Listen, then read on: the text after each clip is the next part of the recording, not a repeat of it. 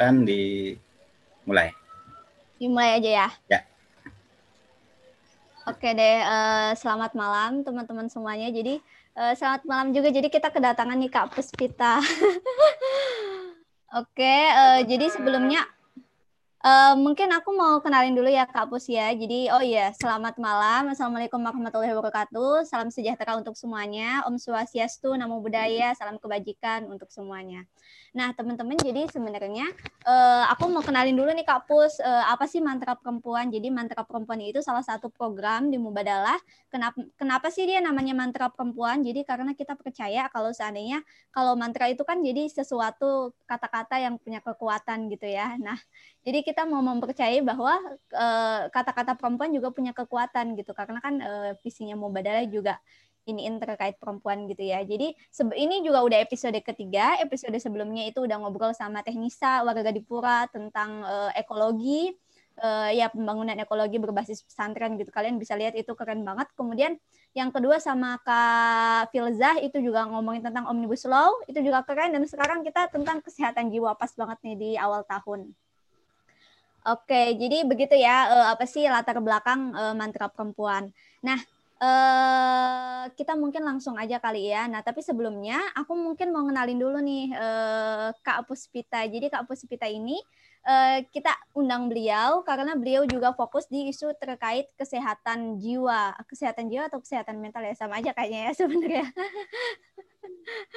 nah, Kak Pus juga itu aktif di namanya Sehat Jiwa bisa di follow ya at sehatjiwa.id begitu ya Kak ya.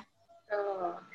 Nah, kemudian beliau juga uh, dulu lulus dari psikologi UI, jadi pas banget kita ngobrolin terkait kesehatan jiwa sama uh, lulusan psikologi gitu. Kita sama-sama lulusan psikologi nih ceritanya. Ya, Oke, mau saya hai dulu Kak Put. Boleh, boleh. Halo teman-teman semua. Ini kalau di Mubadalah manggilnya apa nih? Ya, gitu. manggilnya salingar, salingar. Soalnya kita kesalingan gitu kalau diartikan Mubadalah itu. Oke okay, oke, okay. halo semuanya. Uh, senang banget hari ini bisa ngobrol-ngobrol sama teman-teman dari mungkin uh, yang pengikutnya Mubadalah juga ya, pengikut uh, Instagramnya ataupun media-medianya gitu. Uh, karena uh, isu kesehatan jiwa mungkin sekarang makin dekat aja gitu sama kita. Jadi kalau tidak ada kesempatan untuk uh, sharing mengenai hal ini ke orang lebih luas, aku sangat-sangat happy sih. Jadi terima kasih Mubadalah untuk uh, ajakannya. Yeay, apalagi kita sangat happy. supaya supaya jiwa kita juga pada sehat gitu di di tengah pekerjaan dan lain-lainnya di tengah deadline. Oke, jadi uh, ada lagi Kak Put? Iya. Uh, mungkin kalau dari aku kita kan akan ngobrol-ngobrol aja ya sebenarnya gitu. Tapi mungkin aku perkenalan singkat sih. Uh, tadi kan sudah sempat uh, dikenalkan juga sama Tia gitu. Uh, aku Puspita, tapi bisa dipanggilnya Putri sih sebenarnya dari sehatjiwa.id. Uh, sehatjiwa.id itu adalah um, suatu usaha sosial yang fokus dalam pemberian pendidikan kesehatan jiwa kepada masyarakat Indonesia gitu. Jadi baratnya kita fokus dalam uh, membuat well-being kurikulum, mem membantu masyarakat Indonesia untuk nggak sampai kena gangguan jiwa nih. Jadi punya skill-skill dulu untuk bisa mengatasi masalah sehari-harinya gitu. Hmm, Oke, okay. berarti ini ya. Uh, berarti fokusnya uh, mencegah gitu ya kak ya, bukan mengobati. Oh, betul, mencegah oh, melalui pendidikan. Gitu. Hmm, oke okay. melalui pendidikan wah keren banget ya bisa di follow. Aku juga followersnya, followers Hajiwa. Iya. Oke. Okay. Iya iya benar. Uh, na nama Kak Put juga sebenarnya bukan Putri ya, tapi Puspita Alwi. Jadi uh, cuma aku manggilnya Kak Put karena beliau lebih sering lebih senang men, apa mengenalkan dirinya dengan nama Putri begitu.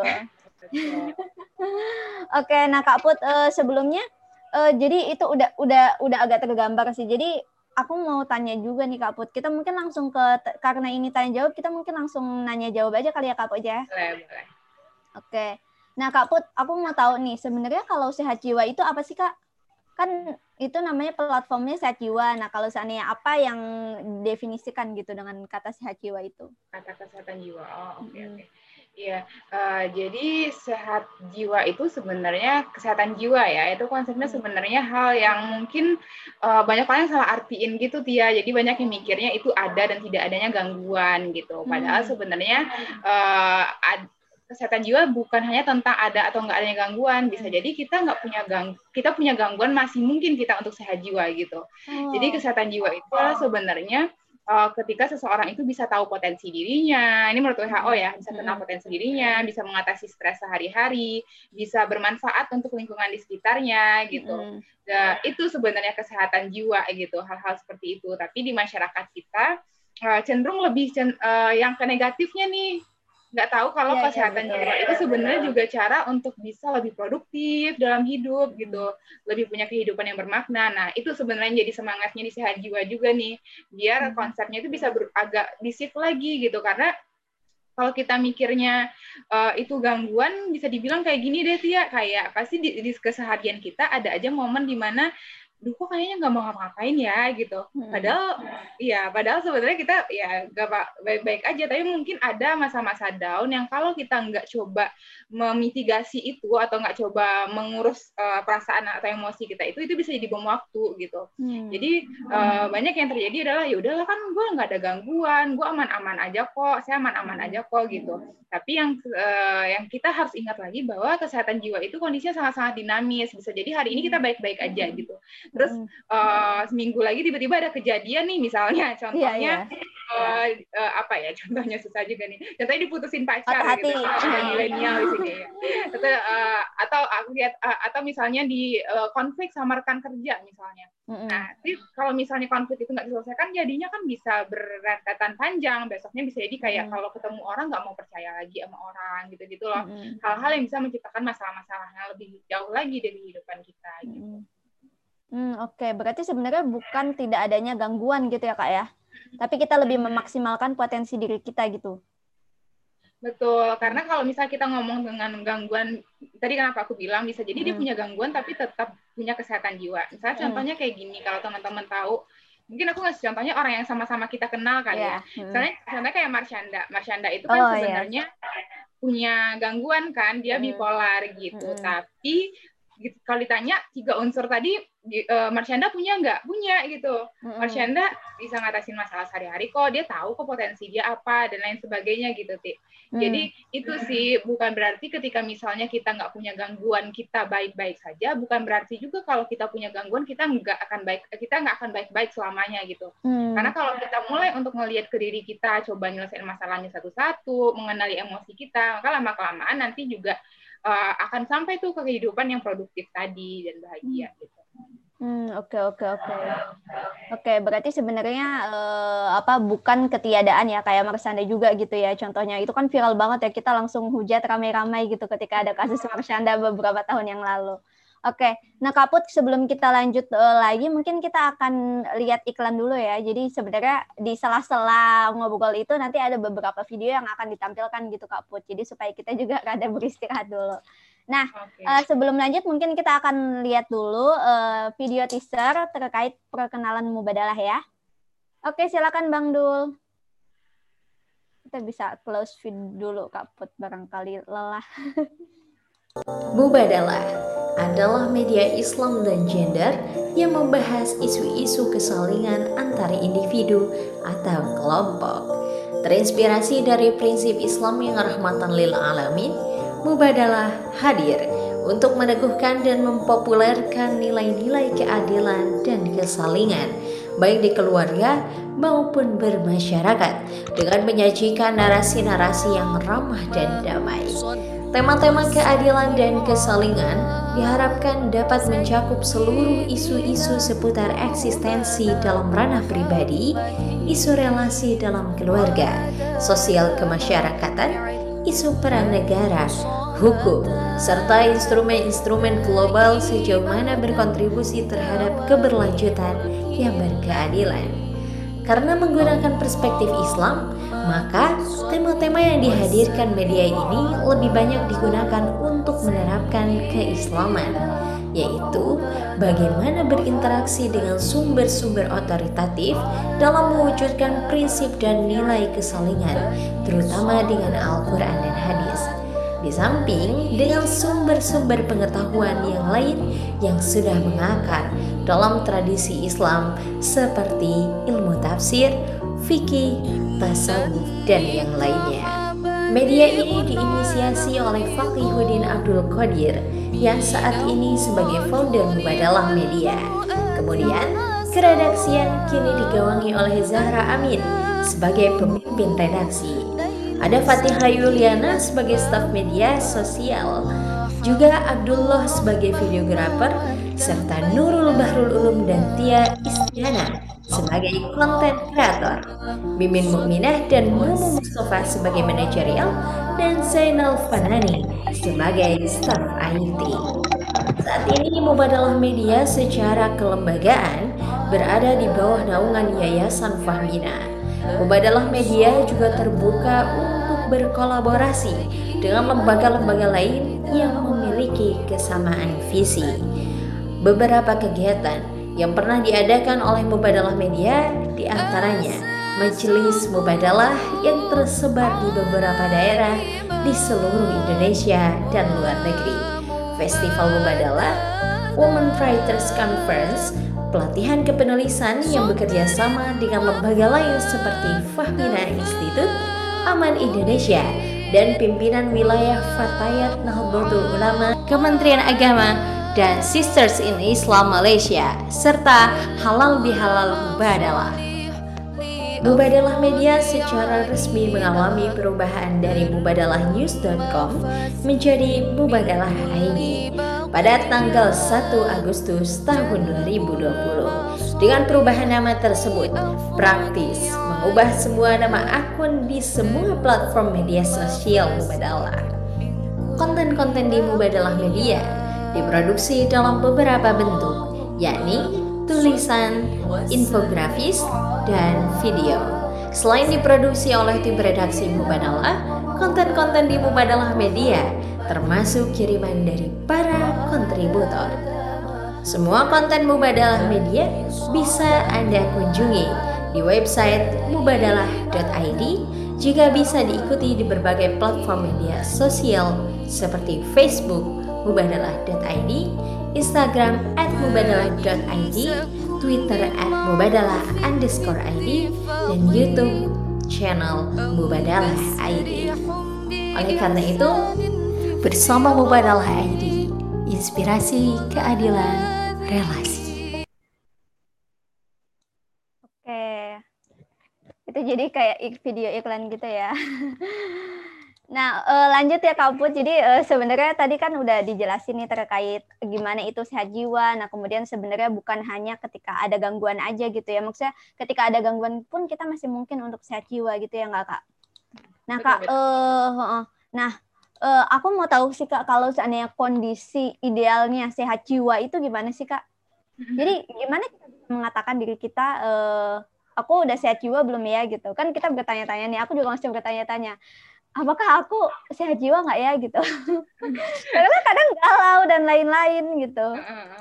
Iya iya itu menarik sih. Dulu dulu banget waktu awal-awal sehat jiwa berdiri itu ada pernah yang nanyain kayak gini. Mm. terus kalau gitu bedanya mager sama depresi apa kak? Gitu. Itu pertanyaan menarik aku karena kayak sih nggak pernah mager gitu kan. Uh. Uh, jadi mungkin yang tadi ya Tia uh, fokusnya di, di di kondisi tadi bisa produktif uh, mengatasi masalah hmm. sehari-hari tahu potensi diri sama bermanfaat untuk uh, bisa berkontribusi untuk lingkungan ya itu kan hmm. empat itu nah jika dalam waktu yang lama salah satu dari itu nggak bisa terjadi gitu misalnya dalam hmm. artian dalam waktu yang lama kok ngerasanya nggak uh, tahu ya hidup tuh harus ngapain gitu misalnya hmm. tapi lama nih kayak tiga bulan empat bulan tuh galaunya tuh bertahan gitu nah itu mungkin hmm mulai butuh perhatian gitu. Tapi sih kalau dari aku pribadi, kan tadi kita udah bahas ya kalau kesehatan jiwa itu bom waktu ya dan sangat-sangat dinamis. Uh, kalau ada, aku selalu percaya kayak gini sih, kalau ada perasaan yang muncul gitu ya, mau negatif mau positif, kita boleh loh untuk uh, visit perasaan itu saat itu juga gitu kayak oh lagi sedih ya kenapa ya sedih? gitu. Karena dibanding kita nunggu seminggu gitu ya berpikir kayak kok dunia kayak gini kok dunia berantakan gitu kok masalah semua. Terus itu aja yang kita pikirin. Tapi kita nggak pernah connect dengan diri kita dan perasaan kita. Nah di situ jadinya jadi masalah tuh. Jadinya uh, kecenderungan untuk masalahnya lebih kompleks tuh jadinya lebih mungkin gitu kejadian gitu itu sih jadi kalau kamu tanya, memang secara psikologi itu ada range waktunya hmm. tertentu, misalnya tiga bulan atau enam bulan hmm. biasanya ya. Kalau suatu masalah sudah terjadi, tapi kalau menurut aku karena kita karena kita tidak tahu Iya. gitu kan harus psikolog yang Uh-uh. mendiagnosa eh, psikolog dan psikiater lah yang mendiagnosa suatu itu gangguan atau enggak. Makanya lebih baik kita mencegah nih dengan connect dengan diri dan perasaan kita Hmm. gitu. Karena aku percaya ketika misalnya eh, perasaan itu muncul Hmm. gitu kan. Tadi kayak dia bilang kok galau ya gitu. Itu kayak tubuh kita dan perasaan kita lagi berbuat baik loh. Kayak dia lagi ngetok pintu dia terus ngomong kayak Tia Tia lihat aku dong, aku lagi galau nih Hmm. gitu. Tapi kita sebagai manusia kecenderungannya adalah kayak Mengabaikan.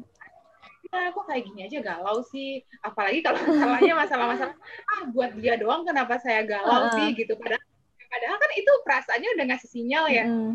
kayak pasti udah ada rasa nggak enaknya dan itu kan tanda sebenarnya Mm-mm. dibanding kita tolak lebih baik kita kayak ya selamat datang ada apa gitu Jadi menyelamat datangi kesedihan dan kegalauan gitu ya. Jadi kita mm, berusaha connect. Iya juga sih kak, aku juga jadi ngerasa kalau kayaknya aku jarang connect sama diri aku dan eh, apa menyadari perasaan negatif itu setelah lama gitu ya. Terus kok begini aja ya, kok aku down nggak ngapa-ngapain gitu. Padahal harusnya kita harus membuka dari awal gitu ya. Connect, Iya, betul. connect. Nah kak, ini nyambung lagi nih. Gimana cara kita connect sama diri kita sendiri? Apakah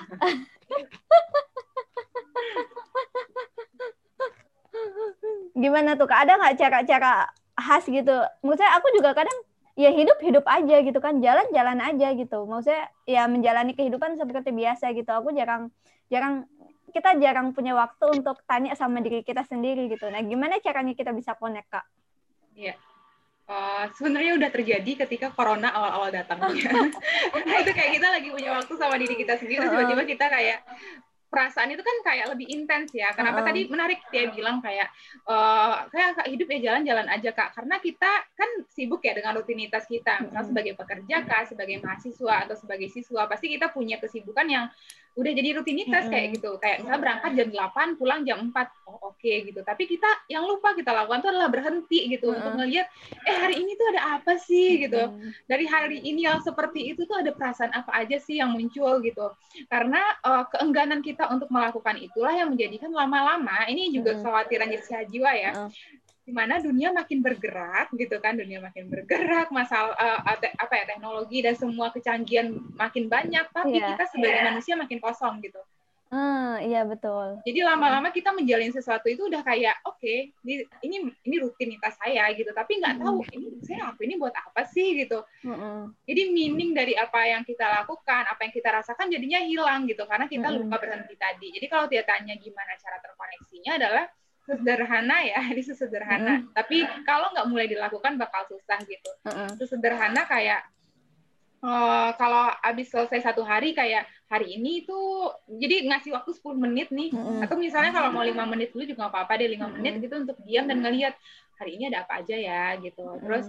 Uh, kalau orang yang lebih suka nulis mungkin bisa nulis kayak nulisin oh hari ini lagi ngerasa kayak gini gara-gara ini nih gitu Mm-mm. misalnya hari ini lagi ngerasa senang banget gara-gara hadir di Mubadalah contoh Mm-mm. gitu ya dan itu nggak cuma emosi negatif yang harus kita sadari Tia tapi Mm-mm. juga positif kayak kita sama-sama adil gitu loh Mm-mm. kecenderungan kita sebagai manusia kan memang sensitif ke perasaan negatif ya Mm-mm. tapi sebenarnya kenapa kita jauh dari bahagia itu karena kita lupa ngelihat hal-hal kecil dan sederhana itu gitu Mm. jadi sama halnya dengan perasaan negatif yang kita sadari, perasaan positif itu pun harus biasanya kalau dari aku sendiri itu aku bikin kayak catatan syukur, misalnya Hmm. tiga hal baik yang terjadi hari ini gitu. Mm-mm. Itu membantu banget sih untuk jadinya lebih menetralisir dan melihat kalau dunia itu sebenarnya nggak hitam putih aja kok penuh warna dan Mm-mm. totally oke kalau hari ini ngerasa bahwa oh bisa marah, bisa sedih atau bisa senang dalam waktu yang bersamaan misalnya. gitu. Oke oke. Berarti cara kita connect sama diri kita sendiri itu seenggaknya kita ada waktu untuk jeda gitu ya kak ya. Jeda dulu gitu sebentar untuk nanyain ke diri kita apa sih yang terjadi hari ini. Dan sebenarnya kalau yang aku dapat berarti it's okay kalau kita merasa sedih gitu ya. Tapi juga harus adil kalau kita bahagia juga harus kita inikan gitu. Jangan hanya fokus pada sesuatu yang menyedihkan gitu ya kak ya. Iya iya betul, it's okay untuk ngerasakan emosi ya. Mm-mm. Jadi kita harus normalisasi sih. Jadi perbincangan-perbincangan tentang emosi itu kan jarang ya. Iya. apalagi yang negatif ya. Eh, ibaratnya tuh kita sejak kecil kalau nangis aja orang tua kita akan bilang kayak anak mama kenapa anak mama kan kuat nggak boleh nangis gitu Oh, jadi jadi kita dibiasakan untuk Mm-mm. eh, tadi perasaan-perasaan itu tuh ditekan gitu Mm-mm. jadi wajar tapi ingat kalau wajar itu bukan berarti harus kita teri biarkan lama-lama misalnya oh iya wajar sedih terus ya udah sedih aja gitu tiga Mm. bulan bukan kayak gitu gitu setelah kita sadar itu wajar yang harus kita lakukan adalah ngelihat oh oke ini sedih habis itu ngapain ya Mm-mm. gitu nah kalau aku pribadi tadi kan tanya eh, dia nanya juga ya cara terkoneksi itu aku juga menggunakan cara misalnya aku jadi orang ketiga bagi diriku sendiri Jadi orang ketiga. jadi kayak gini Hmm, hmm. Heeh. jadi misalnya nih aku lagi ada masalah atau aku lagi ada sesuatu lah nggak harus masalah aku lagi ada nggak nyaman tadi Mm-mm. Perasaan nggak nyaman tadi yang aku lakukan adalah aku keluar dari putri dari diri putri ya secara eh, ya tanda kutip untuk melihat ini kenapa ya? Kok udah dua hari tiga hari kok moodnya tuh down terus sih? Kok dia nggak ada semangat buat buka laptop buat kerja misalnya? Nah dengan keluar tadi aku jadinya lebih eh, objektif melihat oh wajar ya ternyata putri kayak gitu karena lagi banyak yang dia pikiran dan nggak tahu mulai dari mana. Contohnya kayak gitu Mm-mm. Ibaratnya tuh kayak gini deh kayak kita lagi ada masalah curhat sama teman biasanya teman kita kan lebih kayak oh oke jadi masalah kamu itu ya lebih cepat Mm-mm. kan kayak gitu nah kalau kalau kita jadi orang ketiga buat diri kita kita juga bisa tuh kayak gitu Hmm. lihat bahwa wajar ya ya iyalah habis kayak gini makanya dia sedih gitu gitu Mm-mm. Hmm, oke oke. Berarti selain mungkin kalau tips pri, apa dari Kak Putri secara pribadi selain mungkin kita tadi apa bikin catatan se seenggaknya lima menit sehari gitu ya. Atau ya diem mikirin jeda dulu. Juga kita keluar dari diri kita gitu ya kak ya. Kalau supaya kita lebih objektif gitu. Untuk Ya. ini. Iya sih itu. Kayaknya itu jadi tantangan juga buat aku. Aku jarang sekali eh, aku jadi kepikiran yang Kak Putri tadi bilang bahwa dunia kita kan sekarang semakin cepat teknologi semakin canggih kita kayak nggak diizinkan sekalipun untuk melihat diri kita gitu. Jadi selalu ada informasi yang begitu banyak dan lain-lain gitu. Dan itu kayaknya tanpa jeda gitu. Jadi ya emang saatnya kita untuk berhenti gitu ya kak ya. Bukan hanya itu aja gitu di tengah dunia yang cepat. itu kelihatan kenapa aku Heeh. bilang tuh kelihatan sistem kitanya yang memang rusak ya dalam tanda kutip itu karena lihat deh koro- pas corona terjadi awal-awal kan banyak yang masalah Oh iya. masalah di keluarga lah, masalah kita tidak bisa apa ya, tidak bisa langsung oke dengan perubahan sistem kerja lah gitu. Itu karena kita udah la- selama itu membiarkan masalah itu terjadi, tapi kita nggak pernah nunjungin gitu. Hmm, Jadi ketika iya. misalnya anggaplah sama pasangan contohnya ya, mungkin Mm-mm. ada sini yang udah berkeluarga, terus tiba-tiba kayak oh dia gitu ya, itu bukan bukan karena dia kayak gitu hari itu, bisa jadi udah Mm-mm. dari setahun yang lalu, tapi kita lupa gitu Iya, ngelihat itu semua gitu karena kita lupa berhenti jadi kan Mm-mm. kebanyakan orang kan sukanya kabur dari masalah ya Mm-mm. dia ya jadi karena nggak nyaman tadi kabur dari masalah jadi bukan hal aneh sebenarnya ketika masa-masa pandemi ini ternyata masalah hidup makin banyak bukan hal aneh sebenarnya Mm. karena tadi kita lagi dikasih ruang untuk berhenti tadi untuk melihat secara penuh Hmm. perubahan apa yang terjadi di diri kita gitu Hmm, oke. Oke, berarti sebenarnya kayak corona juga kita dipaksa berhenti gitu ya, Kak ya? Karena kayaknya itu inian dari Tuhan karena kita orang Islam gitu ya. Jadi mungkin kita percaya terhadap Tuhan gitu bahwa karena mungkin itu Tuhan tahu kalau kita kebanyakan terus berjalan aja nggak pernah berhenti, nggak pernah menengok dalam diri kita sendiri gitu. Jadi perubahan-perubahan yang terjadi nggak kita notice gitu ya. Oke, itu menarik banget tuh Kak. Nah Kak, kalau seandainya ini sendiri Kak, tapi menurut Kakak berarti kondisi sehat jiwa itu kondisi yang ketika kita menerima segala apa yang ada dalam diri kita gitu ya? Eh, gini, ini banyak banyak orang yang juga jadinya tuh sangat menerima ini secara utuh. Aku Iya. selalu percaya di jiwa pun kita selalu percaya kalau eh, semua hal itu harus dipelajari itu dari berbagai sisi. Bukan berarti menerima itu peluk-pelukan harus terima semua Hmm. gitu. Contohnya kayak gini Tia. Eh, ada aku pernah tuh dapat eh, ini kan terus eh, dapat eh, kasus lah ya intinya. Terus eh, dia mengatakan bahwa iya saya udah nerima diri tapi kenapa ya saya tuh tetap nggak nggak happy dan lain Hmm. sebagainya. Bedakan ya menerima itu hanyalah langkah awal bukan langkah akhir gitu. Hmm. Jadi menerima itu untuk sadar bahwa oh saya tuh kayak gini, oke. Mm-mm. Dan itu boleh loh dilanjutkan dengan pertanyaan, tapi saya nggak suka, saya harus apa gitu. Banyak orang Hmm. yang bilang kayak eh, menerima eh, penerimaan itu eh, total aja gitu sih. Jadi kayak Oh. misalnya pasrah gitu ya. Udah. Terima kan kan sekarang lagi hype banget tuh self accepted Ya, iya. kan. kesukaan diri gitu. Jadi seakan-akan tuh langsung kayak Oh iya, yang penting menerima kan aku udah nerima semuanya. Tapi kalau ditanya eh, masih kesinggung nggak? Nih contohnya masih kesinggung nggak kalau ada orang yang mengatakan, misalnya kalau aku pribadi eh, mengatakan kamu tuh apa ya susah juga ya, mengatakan kamu uh, Kecil tidak atau kecil atau tidak mudah Hmm. bergaul gitu Heeh, masih tersinggung gitu. Berarti Heeh. ada sesuatu yang dilakukan dong gitu. Heeh. dan kalau itu masih bisa diubah ya diubah. Misalnya kayak gini ti. Eh, aku tuh bukan orang yang bisa ngomong depan umum dulu banget. Mm-mm. dulu banget. Tapi aku ngerasa aku butuh untuk punya itu. Karena ternyata aku suka sharing gitu. Tapi aku nggak nggak Mm-mm. tahu eh, skill eh, aku harus ngapain gitu. Nah ketidaknya aku menerima fakta bahwa aku tidak mampu. Tapi aku menerima fakta juga bahwa aku butuh. Jadi Oh iya. Proses untuk mengena- mengambil skill-skill yang aku butuhkan tadi gitu. Jadi jangan Hmm, diterima hmm. plek-plekan juga gitu. Hmm, Jadi kalau oke. kamu tanya kuncinya ada di mana, kuncinya sebenarnya menjadi jujur aja sih sama diri sendiri. Hmm, Yang hmm. kita lupa itu sebenarnya jujur sih. Jujur Hmm. kalau misalnya sesuatu itu kita butuhkan, sesuatu itu nggak kita butuhkan gitu. Hmm, iya iya betul. Betul ya. Kak ya, Ji? Mm-mm. Aku juga lihat yang misalnya kita lagi rame gitu ya penerimaan diri, kemudian orang ya nggak apa-apa dong gendut gitu. Kemudian tapi setelah itu dia galau gitu seandainya. Nah tapi kan berarti proses menerima itu bukan satu langkah akhir ya. Sebenarnya ada langkah selanjutnya. Kalau kita happy dengan menerima diri dan merasa cukup, ya udah gitu. Tapi kalau seandainya menurut kita itu ada tantangan baru, berarti ya kita harus berlanjut bertumbuh gitu ya. Iya, menerima Heeh. itu langkah awal kita biar bisa berproses gitu. Mm-mm. Uh, Hmm. Jadi bukan tujuan akhir gitu. Tujuan akhir kita bukan itu. Tujuan akhir kita punya hidup yang bermakna, yang bahagia. Ter- Terserah ya teman-teman punya Hmm. tujuannya masing-masing. Mm-mm. Tapi menerima cara kita mempercepat tuh. Jadi kan Hmm. banyak orang berubah uh, nggak mau berubah itu karena dia tuh menolak ya. Nggak Mm-mm. mungkin lah saya kayak gini gitu. Nggak Hmm. mungkin lah uh, itu kan kata orang aja. Jadi nggak menerima fakta-fakta yang ada gitu. Mm-mm. Sehingga prosesnya untuk bertumbuh tuh makin jauh. Mm-mm. Jadi menerima itu adalah step awal biar bisa bertumbuh dan akhirnya bisa berproses. Hmm, oke oke kak. Nah kak, eh, aku bertanya-tanya sendiri sih pada akhirnya gitu kan dalam hidup ya kak ya, menurut saya kita selalu ad- ada selalu ada sesuatu yang kadang kita nggak bisa terima itu gitu, atau eh, sesuatu yang menyakitkan dan pasti selalu ada masalah gitu kak, entah masalah kecil atau masalah besar dan gimana cara kita tetap sehat jiwa di tengah itu semua gitu. Maksudnya apakah sebenarnya eh kita harus selalu sehat jiwa atau sebenarnya ya it's okay gitu. Aku juga bingung mau mengatakannya. Tapi ini kan setiap kita punya masalah gitu ya.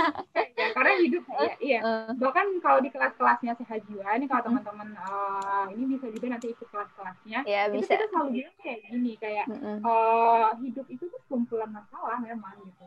Jadi eh, kumpulan masalah dalam artian kita itu akan selalu ketemu sama banyak pintu dan kita nggak tahu pintu mana yang dibuka untuk dapat jawaban langsung dari eh, ketakutan kita kah keinginan kita. Kita nggak pernah tahu gitu.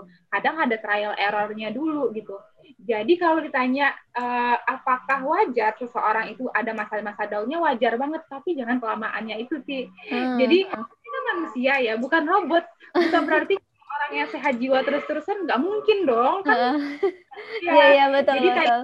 Heeh. kita lebih ke kesadaran aja sih ke kesadaran bahwa oh ini eh, masalahnya udah kelamaan nih nyangkut di hidup Mm-mm. saya gitu Mm-mm. udah mulai membahayakan fisik atau mental Mm. saya nah itu momen kita juga harus mulai menyelesaikan gitu. Tapi bukan berarti ketika sedih kita langsung kayak "Duh, kok kayak ini aja sedih sih. Kan kemarin misalnya contohnya kata Kak Putri itu hidup tuh harus sehat jiwa dan bahagia. Nah itu kan jadinya salah karena kita menolak emosinya gitu.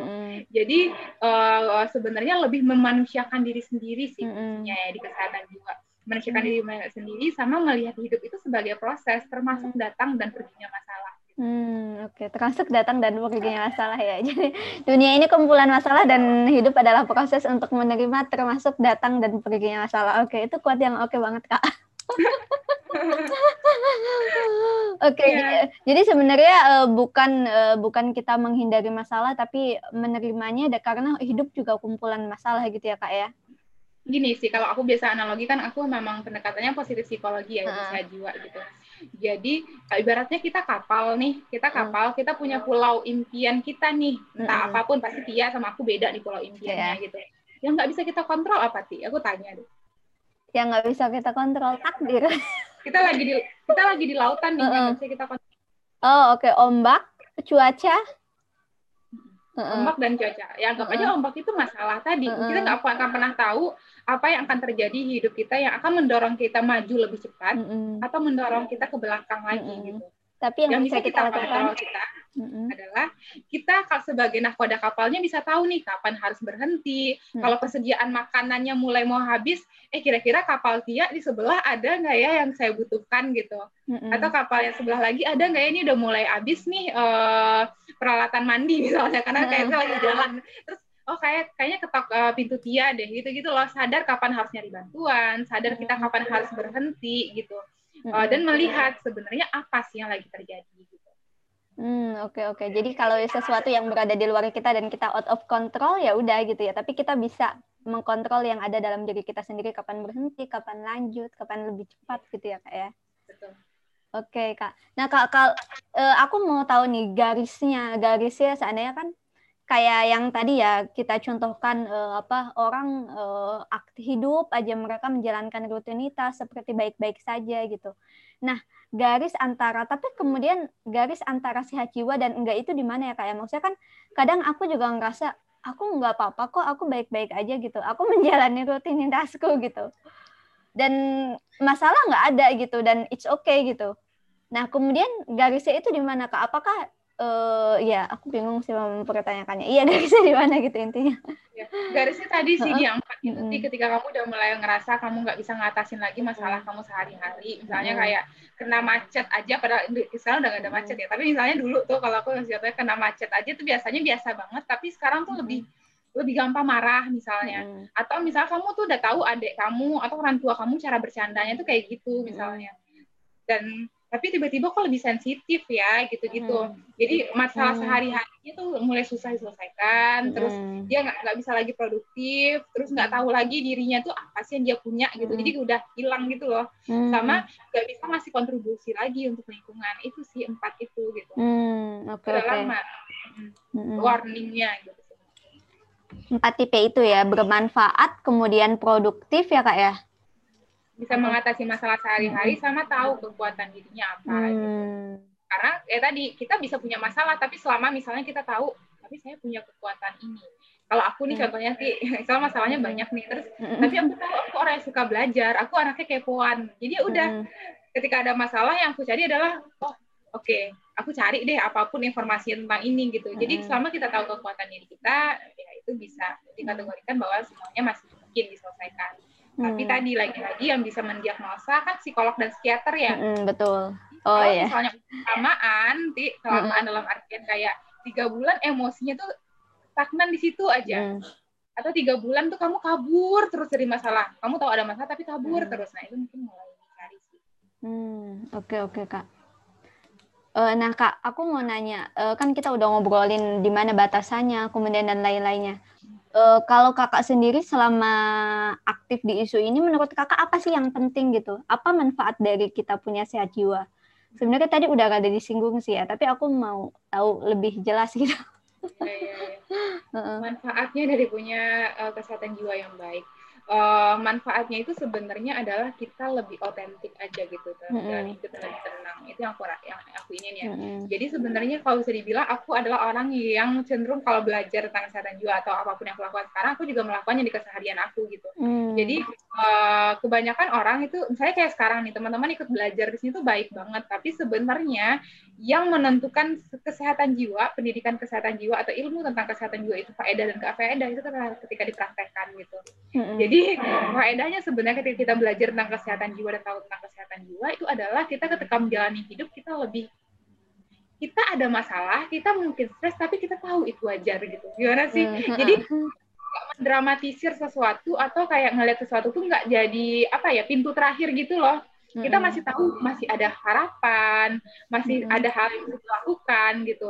Kalau jatuh masih tahu oh ini masih bisa bangkit gitu-gitu Mm-mm. loh. Mm-mm. Uh, jadi uh, itu sih manfaatnya dan lebih ini sih lebih nggak kosong dalam menjalani hidup ya. Mm-mm. Jadi um, yang kita lakukan kita tahu kita ngelakuinnya buat apa dan Mm-mm. kita bisa lebih uh, apa ya kalau bisa dibilang bahagia bisa jadi bahagia gitu karena Mm. tadi kita tuh udah nggak ada beban dan lihat lihat masalah kayak oh iya masalah berikutnya selamat datang gitu Jadi kayak udah connect gitu ya. uh, udah kayak udah menerima Mm. gitu kalau ya udah makanya Hmm, Oke. dan mungkin uh, hal yang ini karena kita di, lagi ini ya Islam juga gitu banyak banget yang mengaitkan ini dengan uh, apa ya kurangnya iman sering banget. Uh, uh, ya betul betul. Uh, uh.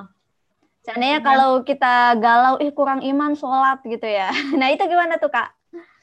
Ya uh, sebenarnya uh. yang aku pelajari dan aku juga jadinya uh, uh. maknai ya setelah beberapa tahun ini sebenarnya um, tidak semata-mata kurang iman, apalagi kalau udah punya gangguan ya. Mm-hmm, betul.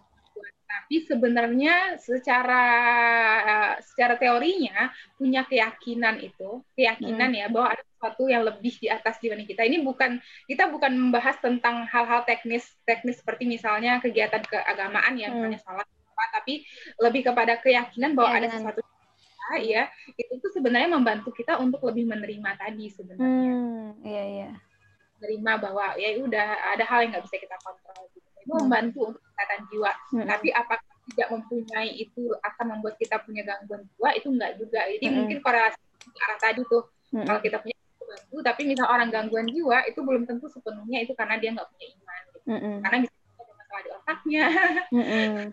ada masalah-masalah oh. lain gitu. hmm, oke okay.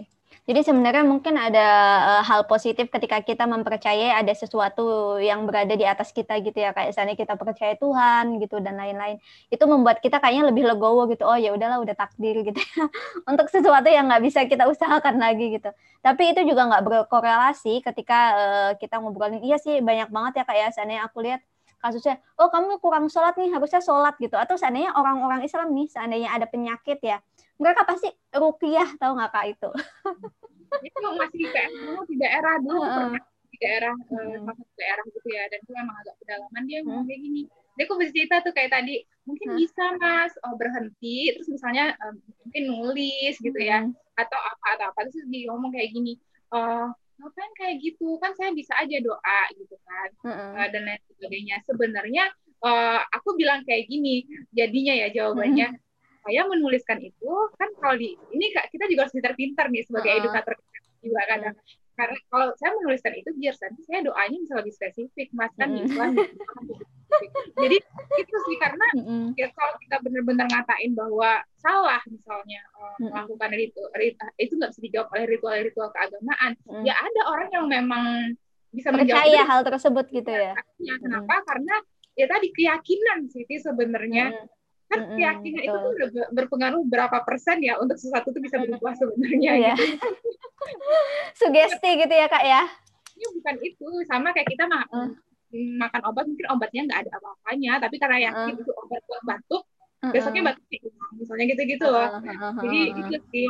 Jadi kalau menurut aku uh, terlepas dari itu semua kita bisa tetap melakukan uh, kita tentunya harus wajib melakukan ritual-ritual keagamaan itu tapi bisa didampingi juga dengan apa yang ada di kontrol kita kan mm-hmm. kita juga ada yang berusaha ya dia ya mm-hmm, kalau misalnya berusaha dan lain sebagainya itu kan tentang berserah ya mm-hmm. tapi kita ada PR juga kayak kita berusaha yang bisa kita usahakan ya tadi terkoneksi dengan diri kalau udah nggak bisa ya kita cari bantuan profesional gitu. mm-hmm. betul Ya kak, kalau di Islam juga kan ada sebenarnya sufism gitu kan, katanya kalau seandainya kita nggak pernah bisa mengenal Tuhan, kalau kita belum mengenal diri kita gitu.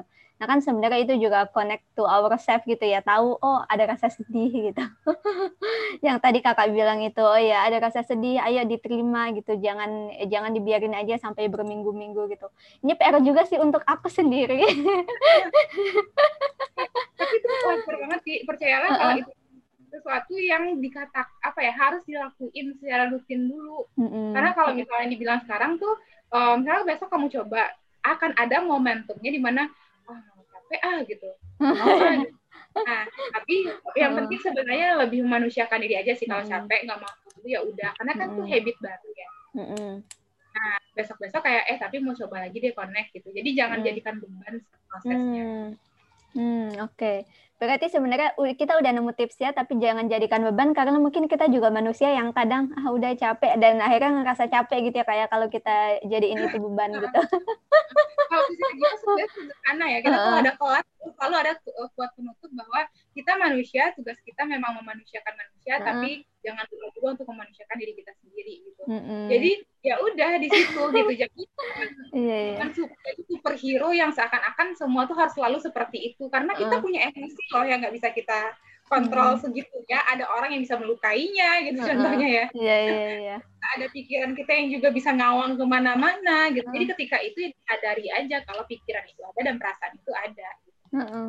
Wah itu menarik banget Kak. Jadi kita sebenarnya kita juga disuruh connect ke dalam diri kita, tapi juga jangan kita disuruh memanusiakan manusia, tapi juga jangan iniin diri kita gitu ya, jangan mempas terlalu diri kita gitu. Wah itu PR banget nih buat aku. Noted.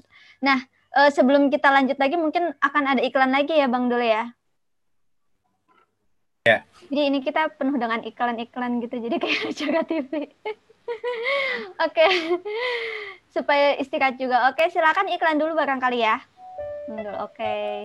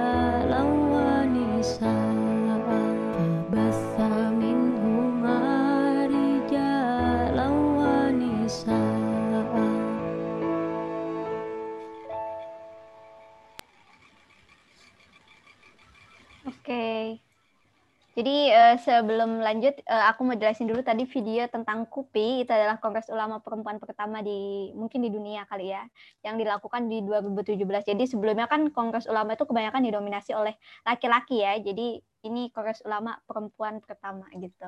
Oke, nah kita lanjut lagi di kesehatan jiwa. Tadi sebenarnya kita lagi flow banget ya.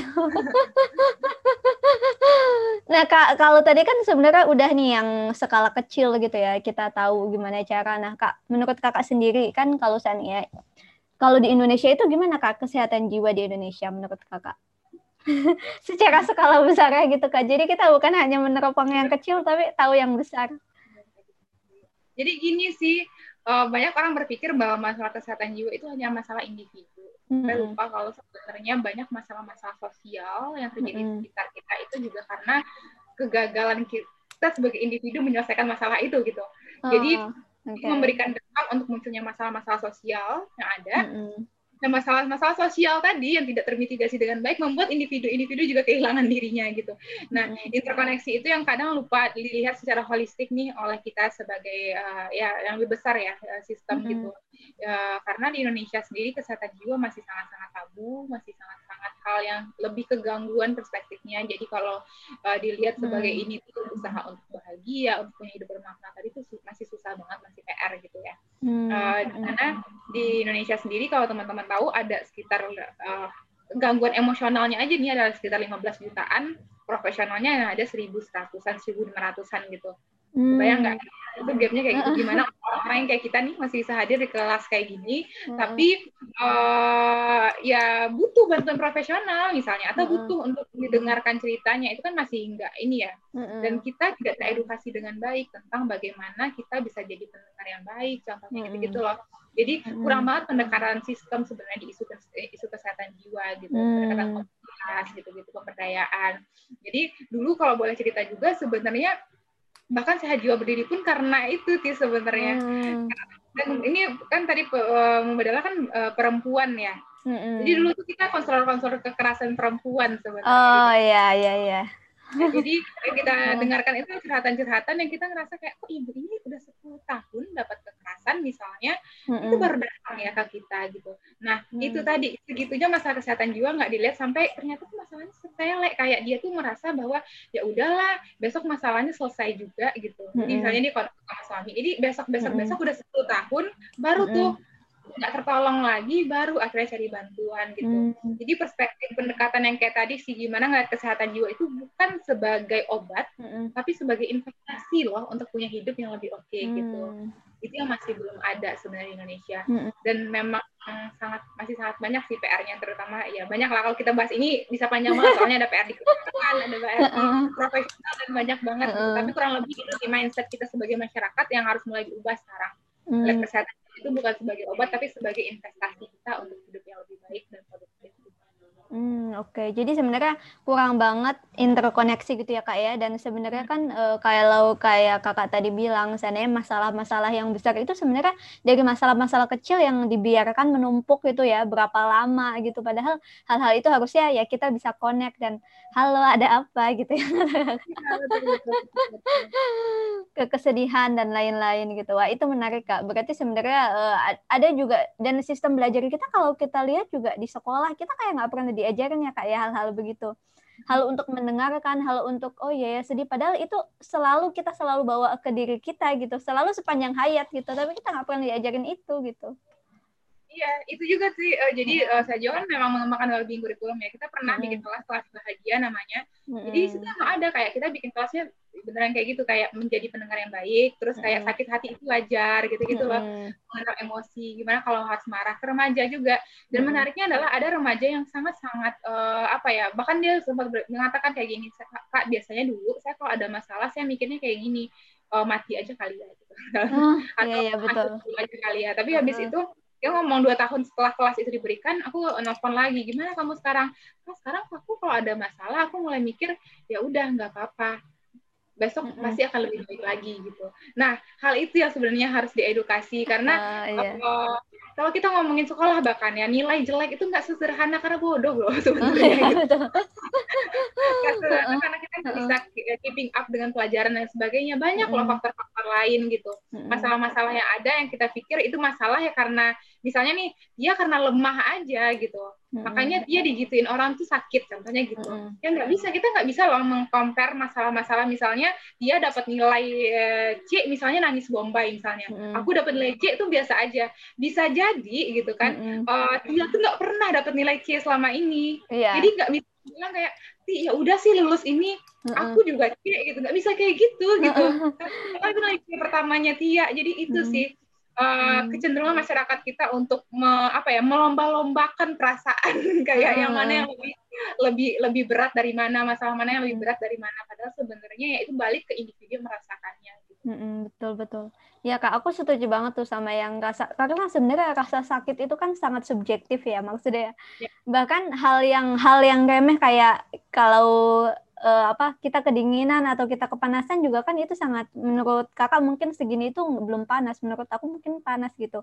Apalagi rasa sakit gitu ya. Mungkin menurutku nilai C begitu menakutkan, sementara mungkin menurut kakak oh biasa aja seandainya gitu. Iya ya, itu juga sesuatu yang kadang kita nggak inikan gitu menarik banget kak. Aku aku jadi dapat banyak insight malam ini.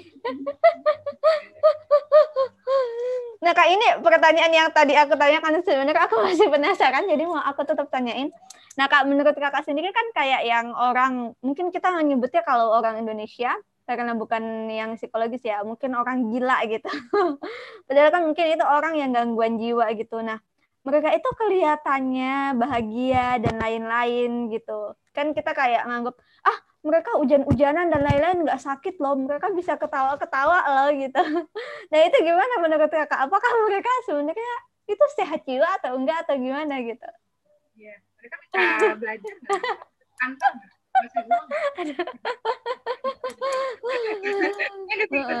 jadi uh, kondisi yang mereka alami memang udah ada gangguan gitu. Entah memang ada bagian di otaknya memang terganggu atau misalnya memang luka-luka tadi yang kita bilang awalnya kecil-kecil kayak luka dicubit tapi lama-lama jadi luka berdarah bagi mereka gitu kan.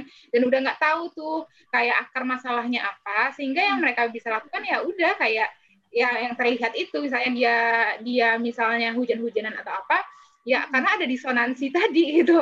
Kayak udah nggak sesuai dengan uh, norma-norma lagi karena kan kita sebagai manusia juga ada norma masyarakatnya ya dan norma-norma lainnya gitu.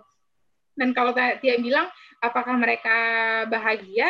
Iya mungkin mereka bahagia. Karena tadi pasti masalahnya kalau lebih sedikit dalam tanda kutip ya. Ibaratnya kalau kamu ke kantor dan nggak ke kantor aja deh kayak ke kantor ketemu deadline misalnya, mm, ketemu ketemu teman yang ternyata nanti konflik atau apa. Tapi ini kan sekarang kayak misalnya itu kan kebanyakan di panti-panti ya, panti-panti atau ada di uh, tempat-tempat perawatan. Kalaupun di jalanan pun mereka memang cenderung uh, lebih bebas aja gitu, nggak ketemu orang kan, nggak sering ya jadi sering bergesekan lah. Jadi kalau bisa dibilang apakah bahagia bahagia, tapi pertanyaannya emang kamu mau punya hidup yang kayak gitu gitu, hidup misalnya tidak bisa uh, berproduktif, tidak bisa produktif, hmm. tidak bisa menghasilkan kontribusi ya kalau mau ya monggo. tapi kalau tapi itu sih balik balik ke situ sih sebenarnya. Iya iya betul. Kan kita hidup bukan hanya untuk itu gitu ya. Kalau seandainya dalam Islam kita karena kebanyakan orang Islam gitu. Jadi kan hidup untuk bermanfaat yang kayak Kak Put tadi bilang gitu kan bahwa ya kalau orang gila kan nggak bisa begitu juga ya. Iya iya. Penasaran banget ya. Oke, nah Kak eh, sebenarnya ini udah semua sih pertanyaannya sudah terjawab semua. Tapi ada lagi nggak sih Kak yang mau Kakak hmm, sampaikan gitu terkait kesehatan jiwa ini? Oh, kalau aku sih dari aku pribadi sebenarnya ada tiga hal yang penting ketika kita ngomong kesehatan mm. ya. mm. Jadi pertama itu penting banget kayak kita tuh open mind. Open mind tadi tuh kayak mm. aku bilang kalau misalnya masalah pengalaman dan apa yang dihadapi orang tuh beda-beda gitu. Dia terlahir dari keluarga yang mungkin beda. Kita nggak pernah mm. tahu bagaimana gitu. Jadi apa pun misalnya kalau dia cerita misalnya mm. nanti sama teman-temannya yang ada di sini mm. gitu kan, yeah. terus dia cerita dari ya bukan berarti Tia itu salah gitu bisa mm. dengerin aja dulu bagaimana Tia bisa sampai ke titik itu gimana Tia jadi Tia yang seperti ini gitu kan mm. kenapa uh, cara Tia melihat masalah seperti ini pasti ada ada uh, penyebabnya gitu jadi alih-alih mengatakan bahwa Tia misalnya tidak pantas merasakan sesuatu atau siapa pun yang kita temui ya tidak pantas merasakan sesuatu, hmm. lebih baik kita melihatnya tuh secara ini aja objektif aja gitu kayak hmm. oh oke okay, Tia kayak gitu karena kata Tia kayak gini gitu.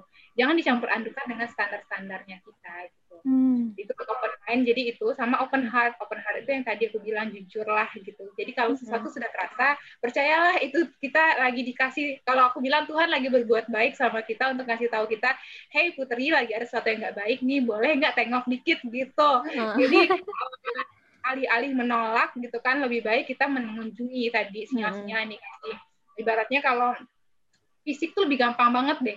Fisik mm -hmm. kalau kita jatuh kita langsung kayak ngeliat kayak, duh ini kenapa luka nggak ya? Kita langsung kayak gitu saja. Oh nih kena lutut gitu. Tapi untuk hati kita sendiri kita nggak pernah loh benar-benar ngelakuin itu gitu.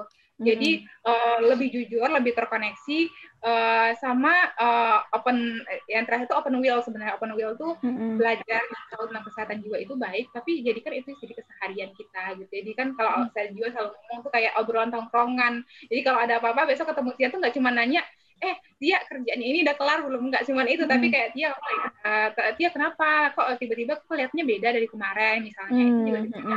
jadi kan uh, obrolan-obrolan yang lebih ini gitu. Dan terakhir sih jangan terlalu keras sama diri sendiri sih. Kayak Mm-mm. uh, belajarlah untuk mengatakan terima kasih dan maaf ke diri sendiri gitu. karena itu sebenarnya yang kita butuhkan sih. Dan yang paling bisa memberikan itu kita diri kita sendiri gitu. Kita kalau mengharapkan itu dari orang lain nggak nggak pasti kapan akan datang kata terima kasih dan maafnya. Tapi kalau kita secara rutin melakukan memberikan itu kita ke diri ke diri kita sendiri jadinya kita juga baik gitu ke Hmm. diri kita, dan kita dan harapannya kita jadi lebih jujur juga akhirnya sebagai manusia gitu. Hmm, oke oke. Berarti ada tiga hal yang dalam kesehatan jiwa ini penting kayak open mind, kemudian open heart dan open will ya kak ya. Jadi kalau open mind itu kita objektif, kemudian kalau open open heart itu ya kita eh, kalau ada sedia ayo datang gimana? Eh bukan ayo datang ya, halo selamat datang gitu ya. Jadi kayak gitu kan kemudian juga open will gitu ya kita mau berubah dan mau melakukan itu. Nah kak sebenarnya yang tadi yang terakhir ini aku jadi pertanyaan lagi sih ini pertanyaan aku terakhir sebelum nanti nanya ke yang lainnya ya. Nah kan tadi kita nggak boleh keras sama diri kita sendiri. Tapi kan sometimes gitu. Kalau kita mau berubah ya nggak sih kak Sania? Kalau kita mau mencapai sesuatu kadang orang tuh bilang ya ya kamu harus ini dong, harus berlatih dong, harus bekerja keras dong gitu. Nah itu gimana kak? Nah, ini lagi nih. Eh, ya, maksudnya berbuat baik itu tuh bukan berarti kita berbuat baiklah dengan standar kita. Sebenarnya jadi jujur sih, Ti. Kayak kalau kamu merasa kamu Eh, lari extra miles untuk sampai ke pulau impian, kamu larilah. Tapi ketika kamu sambil lari itu jatuh, bilang ke Tia, Tia maaf ya aku jatuhin kamu gitu. Dia mau berhenti Heeh. dulu nggak?